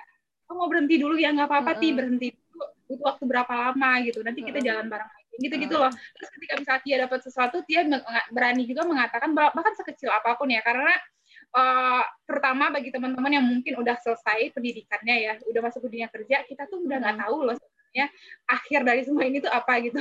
Ibaratnya tuh standar prestasi makin nggak kelihatan gitu. Kalau dulu kan kayak oh IP segini, oh jadi mahasiswa berprestasi misalnya gitu, oh lulus cum laude Hmm. gitu kan. Nah, setelah masuk dunia kerja kayak banyak aja definisi gitu kayak tiba-tiba oh orangnya Hmm. harus langsung S2 misalnya, oh kerja di perusahaan multinasional, oh nikah gitu. Mm-mm. Nah, bukan berarti kalau misalnya kita nggak dapat sesuatu dari itu, itu kita nggak ngomong kayak, eh keren nih, makasih ya Put ya bisa Mm-mm. dapat itu. Gitu. Karena belum tentu pencapaian itu jadinya makin eh, apa ya, makin sering terjadi. Jadi hal-hal kecil sesederhana kayak lebih apa ya, mungkin bangunnya lebih teratur sekarang, eh berani mulai coba olahraga nih, makasih ya Put gitu. Yang Mm-mm. gitu-gitu loh lebih sering berterima kasih dengan hal-hal kecil gitu. Karena kalau hal besar tadi kita nggak pernah bisa kontrol dan hal besar tadi menurut aku lebih cocok dijadikan dalam apa ya framework berpikir bahwa itu tuh proses gitu. Hmm. Mm-mm. Jadi kak jujur pertama, di kalau kamu emang mau lari larilah gitu, tapi sadar kalau lari itu bakal ketemu ombak, bakal jatuh dan ketika itu semua terjadi jangan terlalu keras gitu. Karena wajar dong, yang dikejar juga tinggi misalnya. Iya iya iya. Oke, jadi kalau kalau menurut kita lari itu yang terbaik ya larilah, tapi kita harus tahu kemampuan diri kita. Dan kalau jatuh ya it's okay, kita harus tahu kita tahu konsekuensinya gitu ketika kita memilih untuk lari gitu ya Kak ya. Dan jangan lupa connect dan jujur itu ini ya. Oke, wah itu menarik banget. Ada lagi Kak, sebelum kita ke pertanyaan ini ada yang nanya ini di chat box. Oh, itu dulu sih dari aku, nanti kita Hmm. tanya jawab aja. Oke, nah ini eh, ada pertanyaan dari Labib Sarif ya. Aku eh, bacakan bacain aja kak ya. Boleh, Jadi boleh. Eh, dia bilang gini, saya ini penyintas salah satu gangguan mental. Tadi sebenarnya kita udah ini ya, udah obrolin nih. Jadi bagaimana sih cara meningkatkan kesadaran kesehatan mental di Indonesia bahwa orang yang terkena gangguan me- mental itu bukan karena lemah iman atau ibadah, tapi itu memang penyakit karena biopsikososial. Jadi akhirnya sering ada stigma terhadap orang dengan gangguan mental dihakimi. Padahal saya masih ibadah. Saya sudah didiagnosa oleh psikiater dan psikolog gitu. Ini ya itu. Gimana tuh Kak? Kita jawab dulu. Ini pertanyaan sering banget datang ke aku Heeh. dan aku akan bilang ini tugas kita bersama. Aku tahu eh, menjadi penyintas saja itu sudah eh, apa ya sudah satu tantangan gitu ya, apalagi di dunia yang seperti ini. Gitu. Iya. Ada yang sadar bahwa ini sesuatu yang normal gitu, sesuatu yang wajar gitu kan, dan sesuatu yang kayak menjadi penyintas pun bahkan masih bisa berkarya gitu kan. Nah hal-hal Mm. kayak gitu kan memang eh, masih belum teredukasi dengan baik ya. Aku akan aku selalu, selalu percaya kalau semua ini perjalanan kesehatan jiwa Indonesia itu snowball effect berjangka panjang sih. Hmm, Kalau hmm. kamu tanya tadi aku misalnya di kesehatan jiwa akan lari sprint atau lari maraton, aku akan bilang aku lari maraton. capek gitu ya kalau sih Dengan segala polemik-polemiknya tuh sesusah itu gitu. Jadi aku, aku akan mengatakan aku minta maaf, ma- aku minta maaf gitu. Kalau misalnya kondisi jiwa kesehatan jiwa Indonesia sekarang tuh masih nggak ideal gitu. Hmm, karena masih PR banget jujur gitu. Dan kita sebenarnya memang tugas kita sebagai orang-orang yang sudah mengetahui tentang ini yang pelan-pelan mengedukasi masyarakat gitu. Karena organisasi kesehatan jiwa kan juga mulai banyak ya sebenarnya. Tapi kalau misalnya ini tidak mereka jadikan fokus juga gitu untuk menyampaikan bahwa punya gangguan itu masih bisa loh punya hidup yang juga berfungsi selama misalnya mendapat penanganan medis misalnya dengan apa nah itu yang penting kita transfer gitu. Dan tadi soal itu bukan hanya tentang kurang iman nah kalau kamu tanya bagaimana caranya mulailah percakapan-percakapan tentang kesehatan jiwa menjadi obrolan tongkrongan kayak tadi. Mm-mm. misalnya dia jujur ngomong kak aku lagi sedih deh gitu. Misalnya Labib tadi ya. Labib eh, kalau ada kelompok amannya kelompok eh, yang Labib kira kayaknya aku bisa terbuka di sama ini. Jadi kan itu suatu tempat yang memang terkoneksi lagi dengan perasaan-perasaannya. Hmm, dan mungkin bisa dimulai dengan menanyakan eh, juga perasaan orang-orang sekitarnya. Karena pasti orang jadi mikir wah dia merhatiin perasaan ya jadi Mm-mm. besok lama-lama tuh dia pun ke orang lain juga nanya kayak gitu gitu iya, karena kalau misalnya ya kalau misalnya cuman aku yang nanya dia kayak di gimana sekarang perasaannya gitu ya ya udah sampai situ aja perubahannya Ti. iya iya iya. jadi nggak akan ke mana-mana karena Mm-mm. aku pun jujur kalau ditanya nih tentang hal itu aku bisa bilang sistemnya serusak itu bahkan ya, kebijakannya memang belum terlalu baik jadi Mm-mm. eh, ya yang hanya bisa kita lakukan adalah mengedukasi lima aja. Tiga atau empat orang di sekitar kita untuk mengatakan bahwa oke kayak gini loh yang terjadi sebenarnya. Dan membuktikan misalnya kayak kamu kamu penyintas aku sangat apresiasi kamu udah mencari bantuan dan lain sebagainya. Eh, perlihatkanlah juga bahwa ternyata efek kamu dengan kamu mencari bantuan kamu bisa hidup baik-baik aja kok gitu. Mm-mm. lama kelamaan akan kelihatan kalau oh ternyata ini ya gitu. Labib Mm-mm. masih ah, oke ya contohnya kayak gitu gitu Mm-mm. karena mengubah uh, stigma itu bukan hal yang mudah dan itu udah diperjuangkan dari bahkan di sehat jiwa ya Tia Hmm. itu sudah diperjuangkan dari 2018 kalau ditanya tuh kenapa sehat jiwa namanya sehat jiwa dan bahagia kenapa tagline kita kamu pantas bahagia padahal kita ngomongnya sehat jiwa Mm-mm. karena itu kita mau masyarakat Indonesia ngelihat kesehatan jiwa nggak cuma tentang yang negatif aja tapi tentang usaha untuk hidup yang lebih produktif gitu. Hmm. Bahkan ketika kamu punya gangguan sekalipun kamu masih punya peluang untuk bisa punya itu Iya iya betul. Jadi kita jarang banget eh, ngomongin psikologi, maksudnya sehat jiwa secara positif gitu ya, tapi kebanyakan negatif gangguan mental dan lain-lain gitu dan akhirnya itu ini kan. Dan kalau yang masalah yang tadi yang Labib itu lebih baik ya jadikan eh, obrolan tentang kesehatan jiwa ini jadi obrolan tongkrongan gitu. Iya juga ya, kita jarang ja, seandainya kita nih nanya ya, kamu udah nikah belum? Kamu cepetan nikah. Padahal harusnya kan kita nanya ya, kamu bahagia nggak dengan nggak menikah seandainya atau kamu bahagia nggak sekarang gitu oh kalau kamu bahagia it's okay gitu kalau kamu nggak menikah gitu Iya, boleh lah kayak gitu. ya gitu. Heeh. ya, tapi gitu sih. Dan memang jadinya kan banyak juga penyintas-penyintas yang nggak terbuka ya dengan gangguannya. Jadi memang masih dilihatnya sangat-sangat negatif juga jadinya. Mm-mm. Memang harus ada suara-suara juga dari penyintas ini bukan dalam artian memang mengapakan ya Tia, tapi Mm. lebih kayak oh iya saya penyintas tapi saya seperti ini loh. Lihat kan proses teman-teman bertumbuh juga gitu. Mm-mm. Karena masyarakat akhirnya akan kelihat kayak oh orang penyintas pun masih punya harapan ya gitu Mm-mm. Hmm. apalagi kalau kamu dengan fakta kamu ikut kelas ini kamu berarti masih bisa berpikir juga dong maksudnya Iya. hal-hal yang kayak gitu Mm-mm. dan ya itu sih jadi semangat ini PR memang masih panjang Iya ya, ini PR masih panjang, makanya larinya juga lari maraton ya kak ya. Nah, kalau yang tadi itu pertanyaannya dari FB ya kak. Nah, sekarang barangkali teman-teman yang di Zoom masih ada ada yang mau nanya dulu?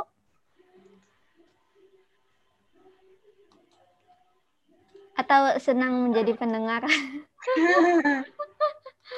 Atau kalau seandainya mau nanya bisa eh, ke chat box. Nah, se- setelah ini mungkin kita mau dengerin satu videologi. Kalau teman-teman mau ada yang nanya dan nggak mau ngomong bisa chat box. Kalau nggak ada berarti nanti langsung kita ke penutupan aja gitu ya kak ya. Oke, begitu ya Labib Syarif. Semoga eh, cukup ini. Dia nggak ada di sini, jadi dia nontonnya dari Facebook dan ini di pertanyaan lewat sana. Oke, mungkin sebelumnya video dulu kali ya Bang Dul. Oke. صلاة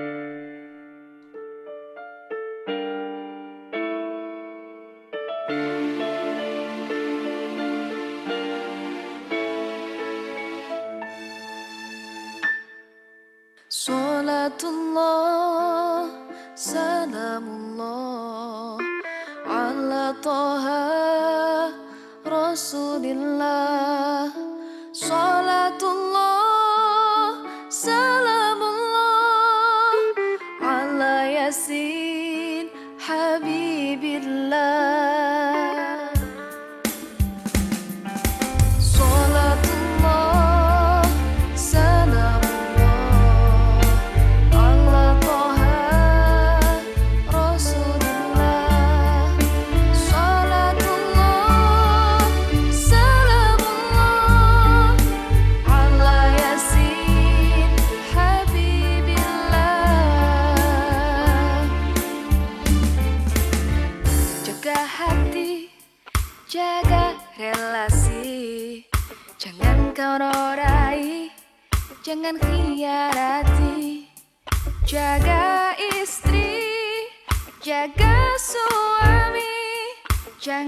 Kau sakiti, jangan tak peduli.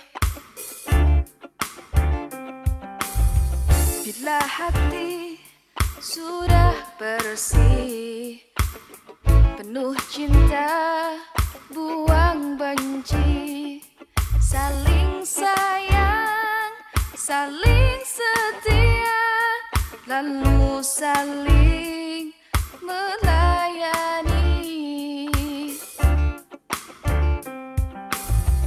Jaga keluarga, jaga tetangga. Jangan bikin susah atau sengsara. Jaga bangsa, jaga semesta. Jalin kasih, pupuk cinta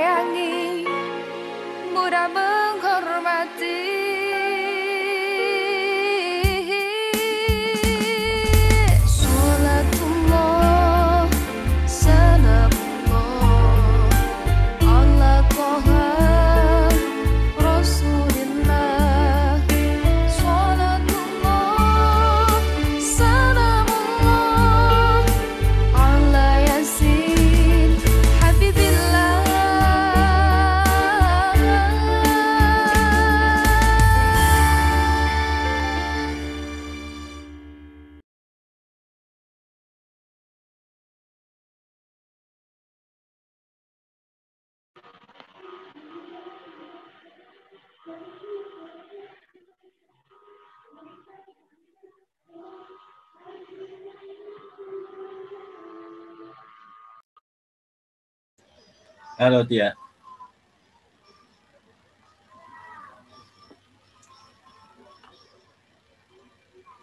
Halo Tia, Eh speakernya masih Halo. Oh ya, suaraku jelas nggak, Bang Dul? Tadi aku ada freeze ya. Oke, jelas. Ya. Oh iya, wow, biasa koneksi. Oke, eh, teman-teman barangkali aku coba cek ya di chat box. Berarti nggak ada yang bertanya ya, atau mau ada yang nanya dulu dari Zoom? Iya, boleh banget. Eh, Kalau Assalamualaikum. Waalaikumsalam. Oh Eh, iya, Perkenalkan, iya, halo Mbak Tia. halo Yuli. Oke, gimana Yuli? Iya, Ya silakan perkenalkan dulu. eh, perkenalkan dulu. Ini suaranya jelas nggak ya Mbak? Jelas, jelas. Oke. Eh, perkenalkan, nama saya Izmi Diana. Di sini saya mau tanya nih Mbak tentang, kan kebetulan saya juga masuk ke, apa dia namanya, masuk jurusan kesehatan gitu ya. Nah, biasanya sering banget nih kalau apa ya, kalau kita itu punya pola makan yang nggak sehat gitu. Kan bukan eh ada juga beberapa faktor secara psikis gitu kan. Contohnya kayak misalkan eh, orang stres, orang stres itu ada yang cenderung makan lebih banyak atau juga ada yang cenderung makan lebih sedikit. Misalkan makan lebih sedikit itu kan pasti mengkonsumsinya itu makanannya nggak sehat gitu. Atau contoh lainnya misalkan sering sering banget nih kita temui kalau misalkan uh, ada orang yang begadang terus makannya snack di tengah malam gitu kan. Nah, terus kandungan gizinya juga pasti nggak sehat, bisa berdampak buruk juga bagi kesehatan. Nah, kalau dari saya sendiri kan pasti ngingetinnya edukasi tentang bahayanya makanan gitu. Nah, tapi nggak semua orang juga apa ya mau menerima edukasi tentang makanan. Kalau misalkan dari psikologinya itu kita harus gimana gitu mbak buat ngingetinnya? Hmm, hmm. Oke, berarti cara untuk mengingatkan eh, kalau seandainya, eh, contohnya mungkin kalau sedih banget gitu ya, atau gimana? Iya iya, misalkan kayak stres lah, misalkan mikirin tugas atau ya biasanya kalau misalkan orang begadang juga kan ada apa ya, ada hormon yang yang membuat kita pengen makan di tengah malam gitu mbak. Nah maksudnya eh, kalau misalkan dari psikologi itu kita harus mengontrol diri atau mengatur stres biar nggak stres itu gimana gitu mbak. Oke, Ya. Eh, langsung dijawab Kak Put atau? Hmm. Jadi eh, bener banget sih tadi eh, yang paling bisa ini adalah kaitan juga ya kesehatan mental sama kesehatan fisik bahwa Hmm. ada orang yang stres ya kebanyakan juga ininya punya pola-pola kesehatan fisik yang juga eh, ini ya eh, berpengaruh lah gitu ke kesehatan fisiknya gitu. Eh, paling gini sih em, gini Eh, kalau aku tadi agak bingung sama pertanyaannya apakah mengedukasi itu maksudnya membuat mereka jadinya berhenti atau memang lebih kayak jadinya tuh eh, gimana mengelola stres biar nggak sampai ke tingkah laku tingkah laku yang tidak sehat tadi misalnya bisa mungkin membuat mereka obesitas dan lain sebagainya gitu kan. Tapi tadi aku jawab pertanyaan terakhirnya aja kali ya bagaimana jadinya eh, stres kita bisa kita kelola? Itu ya pertanyaannya bener kan aku dulu?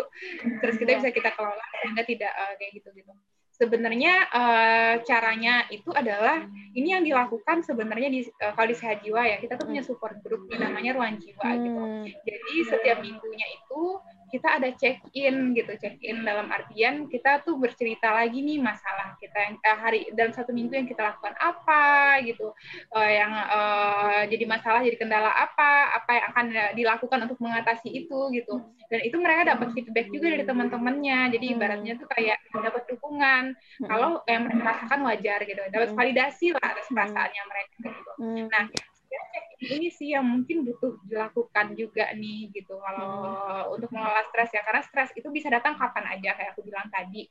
Tapi kalau kita terkoneksi kita jadinya tahu kalau oh lagi ada stres nih. Oh ini tuh bukan masalah saya lagi suka makanan yang eh, apa ya makanan yang nggak sehat nih suka Hmm. makan coklat bukan lagi tiba-tiba ngefans banget sama coklat nih kayaknya. Hmm. tapi memang kok jadi berlebihan ya makan coklatnya? Contohnya kayak gitu tuh. Hmm, Nah, ketika sudah mulai berlebihan tadi, kita harus melihat apakah ini karena ada sesuatu yang nggak sehat dengan fisik saya atau dengan mental saya. Kalau dengan mental, cara untuk mengelolanya tadi ya udah sebutin tadi hmm. terkoneksi, terus kayak misalnya Iya. cari bantuan. Karena sebenarnya dibutuhkan orang ketika lagi ada masalah itu cuman sederhana kok. Orang yang mengatakan bahwa apa yang dia rasakan wajar. Yang kedua adalah orang yang mengatakan that's okay gitu. Hmm. Itu lingkungan yang ya. Yang kedua Hmm. adalah mengingat lagi bahwa ketika pun dia jatuh gitu ya, dia tuh masih punya loh momen positif di hidupnya dia yang pernah dia bangkit gitu. Mm-mm. Mm-mm. Dia tahu kalau kekuatannya apa sih. Dia punya kekuatan, masih punya kekuatan diri nggak sih terlepas dari masalah-masalah yang Hmm. ada. Tiga itu sebenarnya. Dan tiga itu yang harus dikelola dan dikenali agar apa pun jenis stres yang kita hadapi, kita ingat kalau itu Hmm. nggak akan bertahan selamanya gitu. Itu sih. Hmm. Jadi kalau ditanya bagaimana caranya, lihatlah eh, habitnya itu tanya aja ke kayak kamu kan orang kesehatan juga ya tanya aja misalnya ke pasien atau apanya, tanyain itu udah berapa lama gitu. Eh, emang dari dulu suka coklat contoh ya aneh banget sih, tapi kan orang, psikologi biasanya bertanya gitu. Mm-mm. Eh, eh, bertanya dan memastikan kalau misalnya mereka menyadari sendiri, oh iya ya mbak dulu saya nggak suka itu sih sama coklat. Mm. Apa ya saya sekarang hampir tiap hari kalau nggak makan coklat perasaannya nggak tenang misalnya gitu. Mm-mm. Karena banyak orang akhirnya ti untuk mencari comfort atau kenyamanan itu tuh mengalihkannya tuh ke dengan makanan kayak gitu ya hal-hal yang nggak disadarin gitu ya. Kayak- kok tuh suka banget ya gigit-gigit es atau minum minuman dingin itu kok udah kayak gitu terus ya kalau nggak minuman dingin ada yang kurang gitu. Nah momen kita harus melihat sebenarnya kenapa nih kita jadi bentuk habit kayak gitu gitu. Mm-mm. Hmm. Mulai kalau itu nggak sehat ya bagi kita. Mm-mm. gitu. Hmm, iya iya iya. Karena yang kayak tadi yang kita bahas juga sih bahwa kita tuh kayak nganggep oh it's apa ya berjalan aja gitu sesuai rutinitas kita. Padahal sebenarnya ada sesuatu dalam hati kita yang halo harus di kayak gituin gitu. Benar, itu kan tadi eh, apa ya Heeh. pemindahannya itu bisa hal-hal yang kayak kayaknya masih oke oke aja. Contohnya kayak Heeh. tadi tuh makan coklat gitu kan kayaknya ya Hmm. udah lah makan coklat aku lagi suka coklat aja kali Iya, ya gitu. Itu tadi kayak minum minuman dingin dingin boba bobaan Mm-mm. itu oh, keren nih kayaknya gitu suka gitu terus Heeh. enak juga kok gitu. Tapi lama kelamaan sebenarnya bobanya mulai ngerasa biasa aja gitu. Heeh. Kok masih ada boba di hidupku aku aku aneh. Hari belum bisa ditutup kalau belum ada boba contohnya Heeh. gitu. Nah, momen berhen- berhenti tadilah yang mengingatkan kita bahwa oh ini mulai itu bukan tentang bobanya enak nggak enak nih. Ini tentang saya nih yang mulai mencari kenyamanan dari hal-hal yang luar diri saya gitu. Oh, iya. Iya ya, bisa hal begitu kita mencari kenyamanan dari luar diri kita dengan cara sesuatu yang nggak kita sadarin kayak minum boba dan lain-lain, makan es krim atau yang terlalu banyak gitu. Oke. Ya, gitu. Mm-mm. Nah, tapi kalau misalnya mood kita sangat bergantung, jadinya Mm-mm. kalau nggak ada itu mampus hidup saya gitu kan. no. Gitu. Mulai dan kalau menyadari itu awal kita tetap menjaga kesehatan jiwa kita sebenarnya. Sadar aja tuh kalau misalnya oh boba ini bukan lagi tentang eh, dia saya sukai nih tapi udah lebih dari itu gitu Hmm. malah kita masih bisa minum boba sambil nulis saya Mm-mm. hari ini merasa sedih gitu. Seenggaknya ada jeda, oke. Berarti itu ya kak ya jeda itu dan mungkin kita bisa nanyain dan kadang orang yang ditanya itu yang tadi Kak Put bilang bahwa ketika dia punya masalah dan kita tanyain kita dia cuma mau mendengar bahwa oh ini wajar kok, it's okay gitu. Kamu bisa bangkit lagi gitu. Wah, itu sesuatu yang iya banget. Oke, nah eh makasih ya. Eh apakah sudah cukup menjawab, Diuli? Iya, udah, udah bisa Mbak. Tapi mau Oke. nanya satu lagi nih. Berarti kalau misalkan kita lagi stres atau apa lagi gitu ya, kalau misalkan melampiaskan ke makanan, itu tuh baik nggak ya? Mm-mm. sebenarnya gini kalau lagi stres itu respon manusia itu memang ada tiga. Mm-mm. ada freeze ada flight ada fight. Mungkin dia juga Heeh. Jadi freeze itu kan kayak kalau ada apa-apa kita diem aja. Misalnya nih aku lagi stres, aku duduk aja di kosan atau aku Mm. tidur gitu ngomong-ngomong main bodo amat, gitu kan. Nah ada yang kedua lagi tuh flight, flight itu kayak tadi ke makanan kah atau nonton drama Korea misalnya udah mulai ini nih kayak rutin banget nih kayak lagi hidup kalau di drama Korea ya dibanding menjalani kehidupan lain gitu kan. Heeh. Terus yang ketiga itu fight. Fight itu yang tadi kayak kita oke, ada masalah apa nih? Kenapa gitu kan? Kita ada Hmm. respon orang beda-beda dan setiap responnya tuh wajar. Misalnya kalau Tia adalah tipikal orang yang freeze, wajar gitu. Mm-mm. Untuk misalnya satu ada masalah yang kayak mem- memicu stres ya di Tia, terus Tia kayak udah gini nggak apa-apa sehari dua hari ya boleh gitu itu kita juga harus bilang ke diri kita oh diri kita nggak baik-baik aja kasih dia waktu untuk baik-baik aja lah gitu tapi lama-lama kelamaan di satu pola itu yang nggak sehat. Hmm. Misalnya freeze terus atau flight terus nonton Korea terus nonton Korea kan nggak menyelesaikan masalah hidup utama ya tentu saja. Atau flight flight itu kayak ya tadi ada masalah oke apa jawabannya apa jawabannya orang yang fight terus juga ada lelahnya loh. Kita kan bukan robot ya. Mm-mm, Kayak nggak- betul betul. Bilang kenapa perjalanan kesehatan jiwa harus dilihat proses seumur hidup karena Mm-mm. itu gitu. Mm-mm, Karena masalah selalu ada juga ya kak ya. udah kayak misalnya udah tahu nih semuanya kayak aku Hmm. misalnya tahu nih misalnya ya terus aku aku tahu hidup yang paling eh, hal paling waras aku lakukan adalah aku fight gitu Mm-mm, tapi nggak boleh kayak gitu aku harus ingat aku manusia yang Mm-mm. harus tahu juga kapan kabur dulu gitu kapan nge-freeze dulu Mm-mm. gitu karena kalau nggak akan le- lelah banget gitu kalau kita Mm-mm. fight Hmm, Oke oke. Jadi yang kayak tadi ya.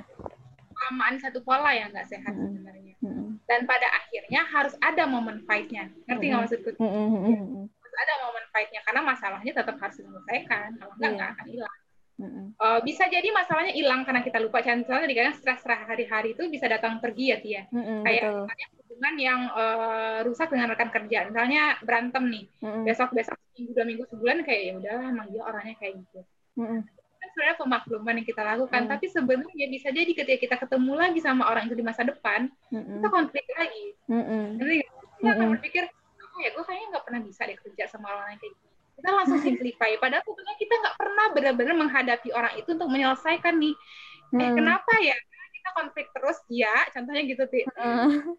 apa nih pola komunikasi Hmm. apa kita Karena kalau misalnya sudah eh, selesai dengan orang besok aku ketemu orang yang kayak dia lagi aku udah kayak Oh, oke. Gini gitu. mm, itu bedanya iya. kita menyelesaikan masalah menyelesaikan masalah Iya iya. Berarti sebenarnya kalau kita diem dulu, nge-freeze dulu atau seandainya kita ya itu flight dulu, makan dan lain-lain, it's okay tapi nggak boleh kelamaan dan suatu saat kita juga harus fight gitu. Oke, yang terkonek itu ya sama diri kita sendiri gitu. Wah ini oke banget kak. Sip. nah lainnya ada lagi ah eh, Yuli gimana? Iya udah, udah bisa kejawab Mbak. Makasih. Siap, sama-sama. Aku juga jadi tergambar. Makasih pertanyaannya, Yulia. Oke, ada lagi teman-teman yang ingin bertanya atau menanggapi dan lain-lain?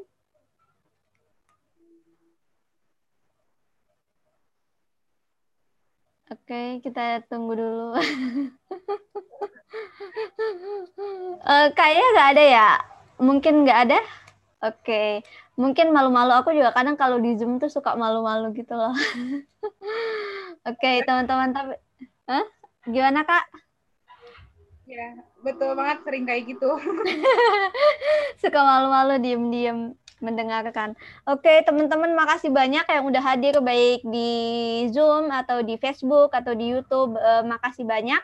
Nah, mungkin sebelum terakhir mau ada ini dulu kak, apa closing statement? Oke. Kalau dari aku eh, intinya eh, gini sih, aku kan selalu bilang kalau hidup itu tuh ya beneran sekumpulan masalah aja gitu. Jadi eh, jangan berpikir sekali kita bisa menyelesaikan sesuatu, besok kita nggak akan ketemu lagi gitu ya. Mm-mm. Bisa jadi ketemu lagi gitu. Banyak orang yang akhirnya berhenti berproses karena dia berpikir, kok gue balik lagi ya ke sini gitu. Mm-mm. Dia mikir Hmm. ya udahlah emang gue nggak bisa kali ya gitu. Mhm. Padahal sebenarnya mungkin memang belum benar-benar selesai. Jadi Ah, di sehat jiwa yang kita percaya, percayalah semua proses kita mengenal diri, mengenal masalah, dan mengenal apa yang terjadi di hidup kita itu proses kita bertumbuh, mm-mm. proses kita terus berkembang. Jadi alih-alih melihat itu sebagai tujuan akhir, mengenal diri kita secara utuh Mm-mm. sebagai tujuan akhir, jadi itu proses bertumbuh. Karena setiap hari bertambah di hidup kita, pengalaman hidup kita juga bertambah, masalahnya juga baru lagi, baru lagi, baru jadi jangan menganggap bahwa hidup itu mencari momen di mana tidak ada masalah sama sekali. Mm-mm. Nah, well, itu. Iya, Ya betul. masalah baru akan selalu datang. Jadi yang bisa kita lakukan adalah melihat ke diri kita gitu. Nah, mungkin kalau teman-teman memang nanti ada yang merasa butuh ini, jangan ragu juga untuk uh, uh, hubungi sehat jiwa juga sih. Kita bisa bertumbuh bersama di situ. Dan uh, terakhir, selalu percaya bahwa teman-teman semua pantas dan berhak untuk bahagia. Hmm. Sip. Weh. Tadi juga di Facebook ada yang komentar kalau mereka sudah ikut membership sehat jiwa katanya. Jadi dan teman-teman bagi yang membutuhkan atau bukan ini ya apa dan lain-lain bisa hubungin ya ke @sehatjiwa.id. Di sana juga ada support system yang kita bisa ini ya yang di ruang jiwa itu yang kita bisa saling ngobrol dan lain-lain saling mengingatkan check in check out gitu dan lain-lain. Oke, jadi sebenarnya kalau yang kalau aku rangkum ini banyak banget uh, apa insight yang masuk ke dalam diri aku gitu. Jadi kalau yang aku dapat paling aku dapat sendiri secara pribadi itu bahwa kita harus terkoneksi sama diri kita sendiri gitu. Segala sesuatu yang terjadi ya it's okay, wajar dan coba dengarkan gitu. Halo, bagaimana kesedihan? Apakah mau datang gitu? Oke, jadi paling itu yang aku dapetin dan silakan teman-teman juga uh, apa mendapatkan eh bukan apa sih eh, mengambil rangkumannya sendiri-sendiri. Tentu saja Kak Putri, Kak Putri itu bukan pemuas, jadi jangan puas terus mencari, terus belajar, terus berproses. Karena tadi Kak Put juga bilang bahwa hidup ini adalah kumpulan masalah gitu ya Kak ya. Jadi nggak mungkin kita terhindar. Jadi ya tetap berproses dan tetap uh, ini. Oke, mungkin uh, udah ya Kak. Ada lagi Kak yang ingin disampaikan? Oh, sudah oke. Okay. Nah, jadi pertanyaan terakhir jadinya adalah temanya. Jadi 2021 sudahkah kamu sehat jiwa, teman-teman? Jangan lupa sehat jiwa ya. Kalau mau sehat jiwa silahkan follow IG at sehatjiwa.id. Makasih banyak Kak Put atas hari ini. Terima kasih teman-teman yang sudah hadir di Zoom, di Facebook, atau di YouTube. Eh, semoga kita sama-sama belajar dan sama-sama will punya keinginan untuk terus memperbaiki sehat jiwa. Selamat malam semuanya. Makasih banyak Kak Put.